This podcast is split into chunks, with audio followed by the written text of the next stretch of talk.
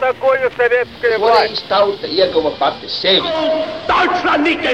Liktenīgas nejaušības un slēptas likumsakarības, subjektīvas patiesības un objektīvi aizspriedumi.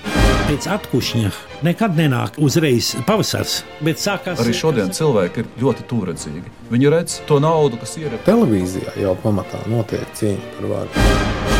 Pagātne no šodienas skatu punkta un šodienas caur pagātnes prizmu. Raidījumā šīs dienas acīm. Katru svētdienu Latvijas radio eterā Eduards Liniņš. Labdien, cienījamie klausītāji!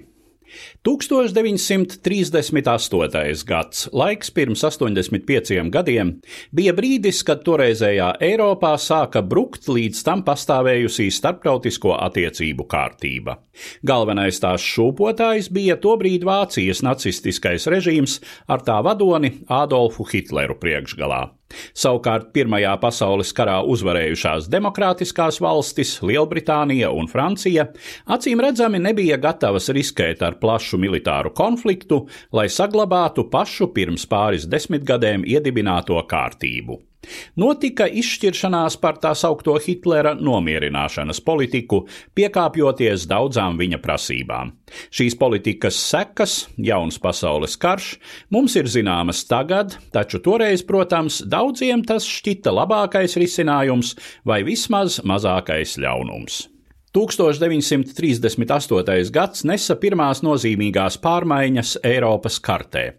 Proti 1938. gada martā beidza pastāvēt neatkarīga Austrijas valsts, kuru anektēja Vācija. Šim tā sauktajam Austrijas anšlusam jeb pievienošanai bija ilga priekšvēsture. Par to vēsturnieks profesors Inesis Feldmanis. Austrijas parlaments jau 1918. gada decembrī, šķiet, tas bija 11. decembris, pieņēma lēmumu par apvienošanos ar jauno Vācijas valsti. 19. gadā tika izstrādāti vairāki miera līgumi. Tos izstrādāja Parīzes miera konferencē. Miera līgums ar Vāciju, tas ir Versaļas miera līgums, kas tiek parakstīts 1919. gada 28. jūnijā, un tiek izstrādāts arī miera līgums ar Austriju, jeb tā saucamais Senžermēnes miera līgums. 19. gada 10. septembris. Abi šie miera līgumi aizliedza šīm abām Vācu valstīm apvienoties. Šajā gadījumā baidījās no tā, ka līdz ar to apvienotā Vācija būs ļoti spēcīga. Tad Vācija kā zaudētāja valsts principā būtu zināmā mērā vinnētāja valsts, uzvarētāja valsts. Bet redziet, Visai šai lietai ir arī otra puse. Mēs jau ļoti labi zinām, ka pēckara miera kārtību būvēja pēc noteiktiem principiem. Un viens no šiem principiem, kuru galvenās uzvarētāji Lielvalstis gribēja likt jaunās Eiropas starptautiskās kārtības pamatā, bija nacionālais princips. Pēc Pirmā pasaules kara Austrum Eiropā arī tiek likvidēts tā dēvētais impērija princips, un šo impēriju sabrukšanas rezultātā izveidojās šīs saucamās jaunās nacionālās valstis, bet mūsu izvirzītā jautājuma gadījumā svarīgi ir tas, ka veidojot šo jauno starptautisko kārtību, oficiāli proponējot šo nacionālo principu, kā, kā galveno principu, šis princips tika pārkāpts attiecībā pret zaudētāju valstīm, pret sakā cietušajām valstīm, pirmkārt pret Vāciju, arī pret Ungāriju. Nu, tas neapšaubāmi radīja sarūktinājumu sajūtu šajās valstīs. To uzskatīja par netaisnību, kura pēc iespējas ātrāk ir jālikvidē. Jo nevelti ir tāds izteiciens vēstures literatūrā, ka Adolfs Hitlers, nacistu līderis, ir Versaļas miera līguma ārvalības bērns. Pirmais ļoti būtiskais vācu diplomātijas panākums ir 1936. gada 11. jūlijā noslēgtais Vācijas un Austrijas līgums, kas arī paredzēja jau zināmu vienotību starp abām Vācu valstīm, un proti, kā abas Vācu valstis koordinēs, piemēram, savu ārējo politiku. Toreiz jau visa Eiropa uztvēra tās lietas tā, ka Vācijai tomēr ir nodarīts pāri. Tāda bija galvenokārt Lielbritānijas pozīcija, un tas tiek darīts tāpēc, lai noslēgtu tādu vispārēju vienošanos ar Vāciju. Nu, no Vācija īsti iekļauts starptautisko attiecību sistēmā, bet nelaime bija tā, ka Vācija jau to uztvēra kā tādu Lielbritānijas nespēku izpausme. Un Hitlers vispār ļoti atšķirīgi no Britiem saprata to, kas ir diplomātija, kas ir politika. Viņš nekad negribēja saprast, ka politikā vienai pusē dod, otrai pusē arī kaut kas jādod. Toreizējais eh, Austrijas kanclers, kas nāk pēc Dolfusta nāves, tas ir Kurts Sušniks. Nu, viņš ir tomēr tāds Austrijas patriots un iestājas par Austrijas neatkarības saglabāšanu. Nu, kaut gan pret viņu tiek izvērsta ļoti asa propaganda no vietējo austriešu nacionālo sociālistu puses, arī spiediens neapšaubām no Vācijas puses, un eh, šis spiediens kļūst ļoti stiprs tieši pēc šīs Halifaxa vizītes pie Hitlera 38. gada februāra vidū.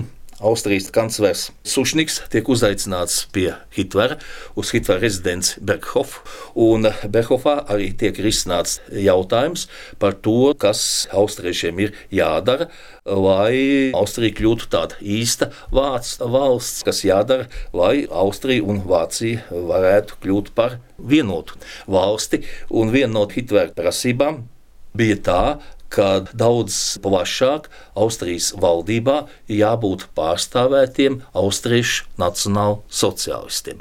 Un attiecībā pret tiem nacionālsociālistiem, kas saņem cietumsodu par puču pret Dolfus valdību, ka tie visi ir jāatbrīvo, un kad austriešu nacionālsociālistu līderim Arturam Zēsam Inkvartam ir jāpiešķir iekšlietu ministra postenis Austrijā un vispār jārisina jautājums par austriešu nacionālsociālistu daudz, daudz aktīvāku līdzdalību Austrijas valdībā un Hitlera un uh, Sušniga vienošanās vēstures liturā parasti tiek apzīmēta kā Berchtesgadens vienošanās. Nu, tā ir tuvākā pilsēta pie Hitlera mītnes Berghofā, un rezultāti ir Sušnigam ļoti neizdevīgi.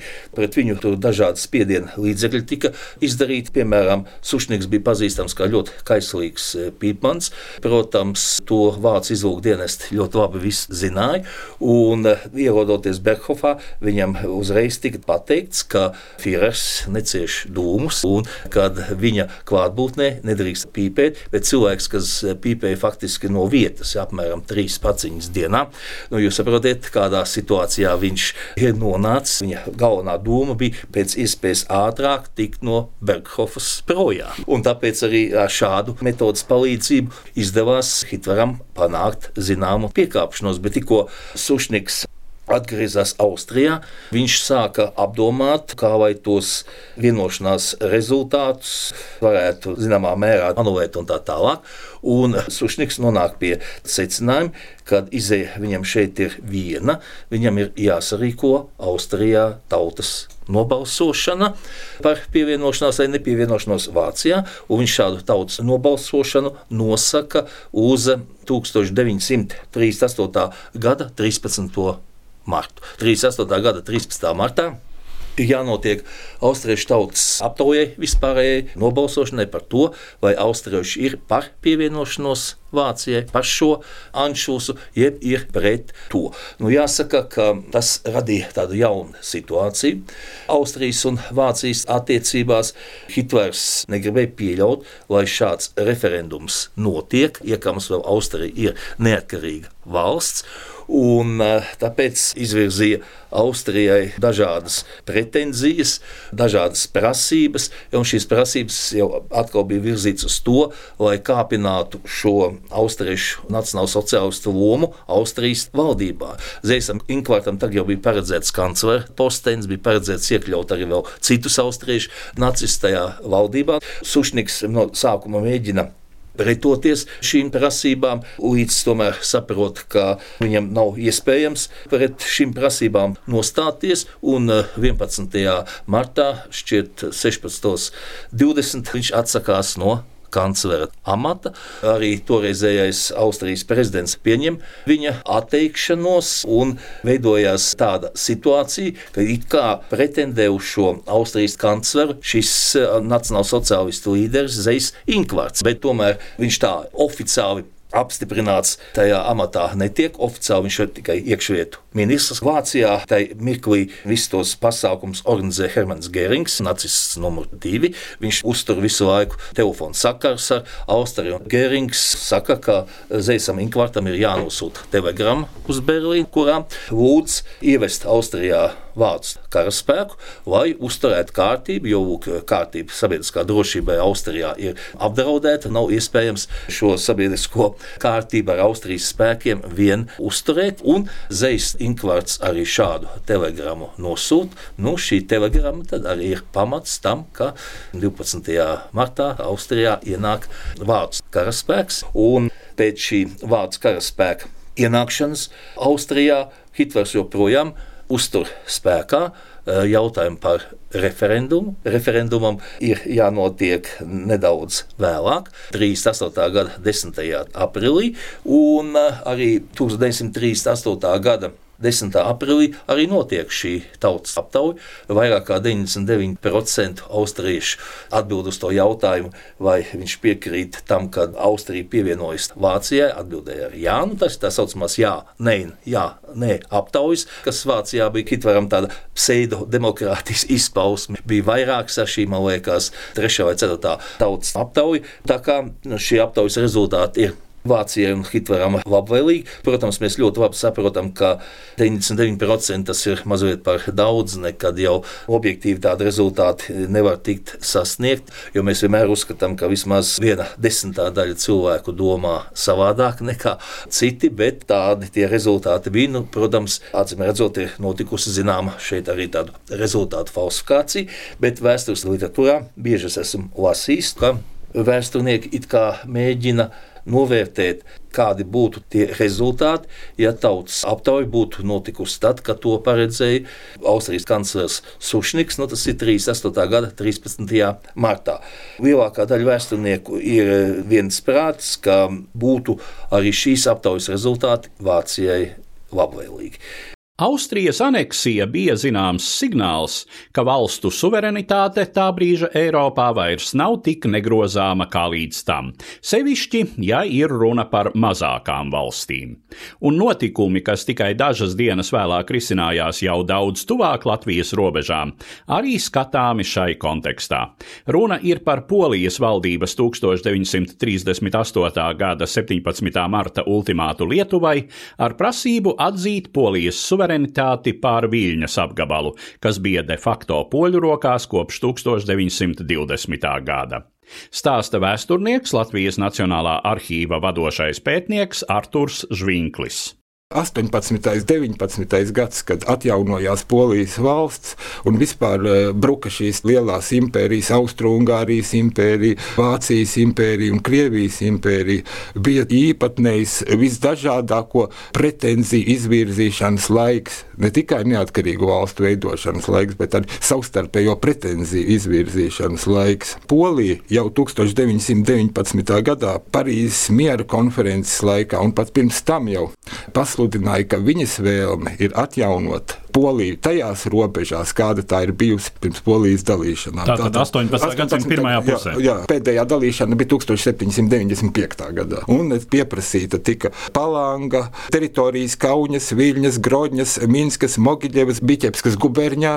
Vēl kas uz Latviju attiecas, tad vēlme bija šajā Parīzes miera konferences laikā, konkrēti 3. martā Polijas pārstāvja izteiktā vēlme, lai eh, Polijas robeža ietu ziemeļos no Liepājas, jo Polijas politiskās, saimnieciskās intereses un tas, ka Liepājā apmēram pusē katoļticīgo iedzīvotāju pieprasot, lai eh, šī pilsēta būtu Polijas teritorijas sastāvā. Te gan ir jāpazīmē, ka šīs prasības pēc tam ātri vien pazuda no dienas kārtības, un kas attiecas uz Latvijas un Polijas attiecībām, tad eh, Latvija var būt liela pateicība parādā Polijai, kad Polijas bruņoties spēki palīdzēja Latvijas eh, brīvības cīņās 1919. un 1920. gadā. Un varbūt pat vissvarīgākais moments, manuprāt, kad Lietuvas polijas konflikts viņas dēļ padarīja neiespējamu lielā mērā Baltijas valstu savstarpējo sadarbību, lai veidotu Baltijas valstu stabilu savienību, iespējamo agresīvo draudu priekšā no lielvarām, kāda bija Padomju Savienība vēlāk un nacistiskā Vācija pēc tam. Attiecības, kādas bija starp Lietuvu un eh, Poliju, nepieļauj šādas savienības izveidošanu. Bet es te arī negribētu gluži vainot visā tikai Poliju vai tikai Lietuvu. Tāds bija vienkārši konkrētais vēsturiskais periods.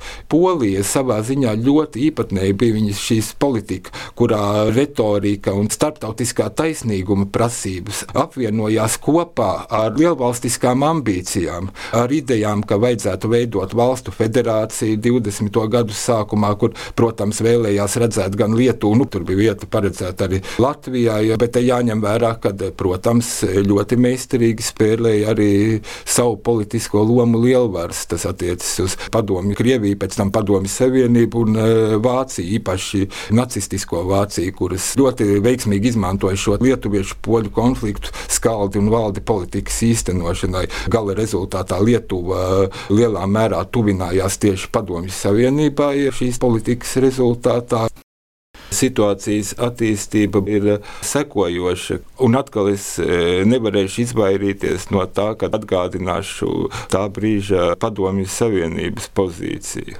Padomju Savienība nekavējoties uz šo izteikto ultimātu reaģēja, izsaucot polijas sūtni un brīdinot, ka agresijas gadījumā pret Lietuvu Padomju Savienība nepaliks vienaldzīga. Šādi brīdinājumi 1938. Gadā no Padomju Savienības puses tiek Polijā izteikti divas reizes, un attiecīgi šajā brīdī, protams, Polija ir spiesta piekāpties un tālāk šo prasību eskalācija vairs nenotiek. Polijas valdība gatavojas pieprasīt izmaiņas Lietuvas satversmē. Es saprotu, ka runa ir par pirmo uzmetumu, kas tomēr netiek Lietuvai iesniegts, bet Lietuvas konstitūcijā ir rakstīts, ka Viļņa ir neatņemama Lietuvas valsts sastāvdaļa. Tad Polija varētu pieprasīt to svītrot no kaimiņu valsts konstitūcijas. Tātad šis punkts turpinājumā tiek no šīs prasības izslēgts. Un galu galā tas, ko Polija pieprasa, ir vienkārši nodibināt Jā, nodibināt diplomātiskās attiecības. Diplomātiskās attiecības, Jā. kas nozīmē, ka Lietuva de facto atzīst Viļņas piederību Polijai. Vai šī padomju savienības nostāja tajā brīdī piespiež Poliju mīkstināt savas prasības? Manuprāt, diezgan lielā mērā tieši tā var runāt, jo paralēli bija sākusies arī nacistiskās Vācijas diplomātijas spēle. Nacistiskā Vācija šajā brīdī mēģina pielabināties Polijai. Polija acīm redzot, pat arī cerēja, ka viņa varētu arī iet tālāk. Ja ne Padomju Savienības nostāja šajā brīdī, es tomēr uzskatu, ka Padomju Savienības nostāja tiešām lielā mērā izglāba Lietuvu no iespējams kara sākuma no Polijas puses.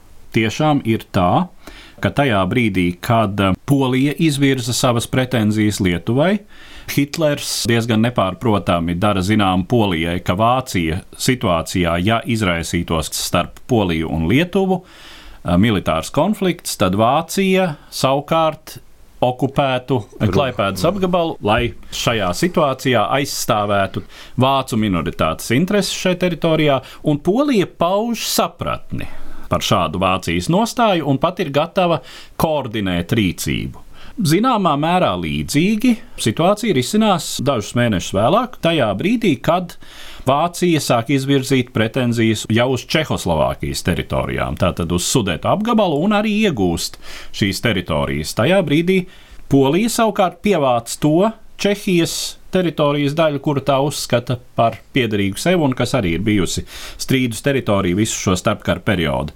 Droši vien, jā, Polijai tajā brīdī šķiet, ka tā varētu arī piedalīties šajā mazāko kaimiņu valstu teritoriālajā apgaizīšanā, kuru ir uzsākusi Vācija. Un, Tas, ko poļi nenovērtē, bet droši vien tajā brīdī nenovērtē ne tikai poļi, ka Hitlera apetīte neapstāsies tikai pie vāciskajām teritorijām, tātad pie etniski vāciskajiem apgabaliem, pie sudētiem, pirms tam tātad Austrijas, bet uh, izvērtīsies par daudz plašāku ekspansiju uz austrumiem pēc gada, pievācot jau visu Čehiju un vispār iznīcinot Čehoslovākijas valsti, un tad jau vēršoties tālāk ar pretenzijām jau pret pašu Poliju. Pirmkārt, Dancigas brīvpilsētu, kas Polijai ir vitāli svarīga kā Baltijas jūras osta, un tas noved jau pie Otrā pasaules kara izraisīšanās. Zināmā mērā arī šī polijas pozīcija tajā brīdī piedaloties šajā ultimātu un teritoriju pārdalīšanas spēlītē, tomēr zināmā mērā veicina, mēs varētu teikt, Lielvācijas apetīti un vispār to, kāda stila attiecību risināšana tajā brīdī izvēršas uh, Eiropā. Te gan jāpiebilst, ka nacistiskā Vācija savā propagandā arī faktiski līdz pat uzbrukumam Polijai bija it kā stingri deklarējusi, ka viņas vienīgā vēlme ir nodrošināt lai uh, tiktu pasargāts, aizsargāts un aizstāvēts vācu minoritātes, kas dzīvo citu valstu teritorijā. Un tikko tas būs atrisināts, tad Eiropā valdīs mūžīgs miers. Tas tiešām tika tā bieži uzsvērts un atzīmēts, protams, aizmugurē lolojot pavisam citus plānus un citas idejas. Ja mēs runājam par Padomju Savienības nostāju, kam mēs jau pieskārāmies, tad šajā brīdī, 38. gadā, Padomju Savienības savu impērisko apetīti vēl īpaši neizrāda. Padomju Savienībai, protams, taču arī ir līdzīgas problēmas. Gan Besarābijas jautājums ar Rumāniju, gan tie paši polijas rietumu apgabali, kurus galu galā, kā zināms, Molotova-Ribbentropa pakta rezultātā Staļins arī pievāca. Jā, bet Padomju Savienības politiskajā retorikā 38. gadā vēl nedalīti dominēja, ka Padomju Savienība lūk, ir vienīgais miera garants Eiropā, valsts, kas konsekventi aizstāv kolektīvās drošības principus pret iespējamām agresijām gatavs sniegt atbalstu jebkurai apdraudētai valstī, kura būs gatava sadarboties un slēgt savstarpējās palīdzības un sadarbības paktus ar Padomju Savienību. Tāda bija politiskā demagoģija no Padomju Savienības puses 1938. gadā, kas sevi deklarēja kā vienīgo miera sargu Eiropā. Latvijas puse šajā gadījumā aprobežojās tikai ar eh, informācijām par notikumu attīstību, bezskaislīgiem komentāriem. Līdzinējā neutralitātes politika tika turpināta tieši tā kā līdz tam, lai kas arī tur būtu noticis, tā bija nemainīga Latvijas politiskā līnija. Te gan jāsaka, ka 1934. gada septembrī bija noslēgts līgums starp Latviju, Lietuvu un Igauniju, tā saucamā Baltijas antante pastāvēja. Bet no Baltijas Antānas līguma burta un gara neizrietēja, ka Latvijai vai Igaunijai vajadzētu šajā gadījumā kaut kādi reaģēt. Lielākais bija eh, runa par eh, iespējamām politiskām konsultācijām šādu krīžu gadījumā, un ne vairāk. Tā kā būtībā Latvija turpināja savu neutralitātes politiku, Šāda nostāja izrietēja no tā brīža politiskajām attiecībām, no tā brīža politiskās domāšanas līmeņa, kuru varētu izteikt, ja tā drīkst pārfrāzēt, katrs par sevi domāsim un Dievs domās par mums visiem. Kā visu 1938. gada Eiropas politikas negatīvo procesu kulminācija, tiek uzlūkota tā dēvētā Minhenes vienošanās šī gada 30. septembrī, kuru noslēdza divu demokrātisko lielvalstu, Lielbritānijas un Francijas, un divu totalitāro diktatūru Vācijas un Itālijas vadītāji. Vienošanās izlēma citas suverēnas valsts, Čehoslovākijas likteni, ļaujot Vācijai anektēt Sudetu apgabalu, vācu minoritātes kompakti apdzīvotos Čehoslovākijas pierobežas rajonus. Bieži šī aizmuguriskā vienošanās tiek salīdzināta ar nepilnu gadu vēlāk slēgto Molotova-Ribbentropa paktu, un sevišķi Krievijas šodienas vēsturnieku retorikā dēvēta par īsteno otrā pasaules kara iemeslu. Minhenes vienošanos Molotova-Ribbentropa pakta kontekstā komentē profesors Inesis Feldmanis. Minhenes vienošanās galvenais mērķis bija saglabāt mieru Eiropā. Šī e, vienošanās ir virzīta uz piekāpšanos, jā, Hitleram. Bet eh, toreiz rietumu lielvalstīm, un tu pat ļoti maz līdz šai dienai uzsver vēstnieki, taču bija jārisina ļoti, ļoti grūta problēma. Toreiz jau Hitlera ārpolitiskie mērķi, kas ir virzīti uz karu, tie jau nebija tā vēl iezīmējušies.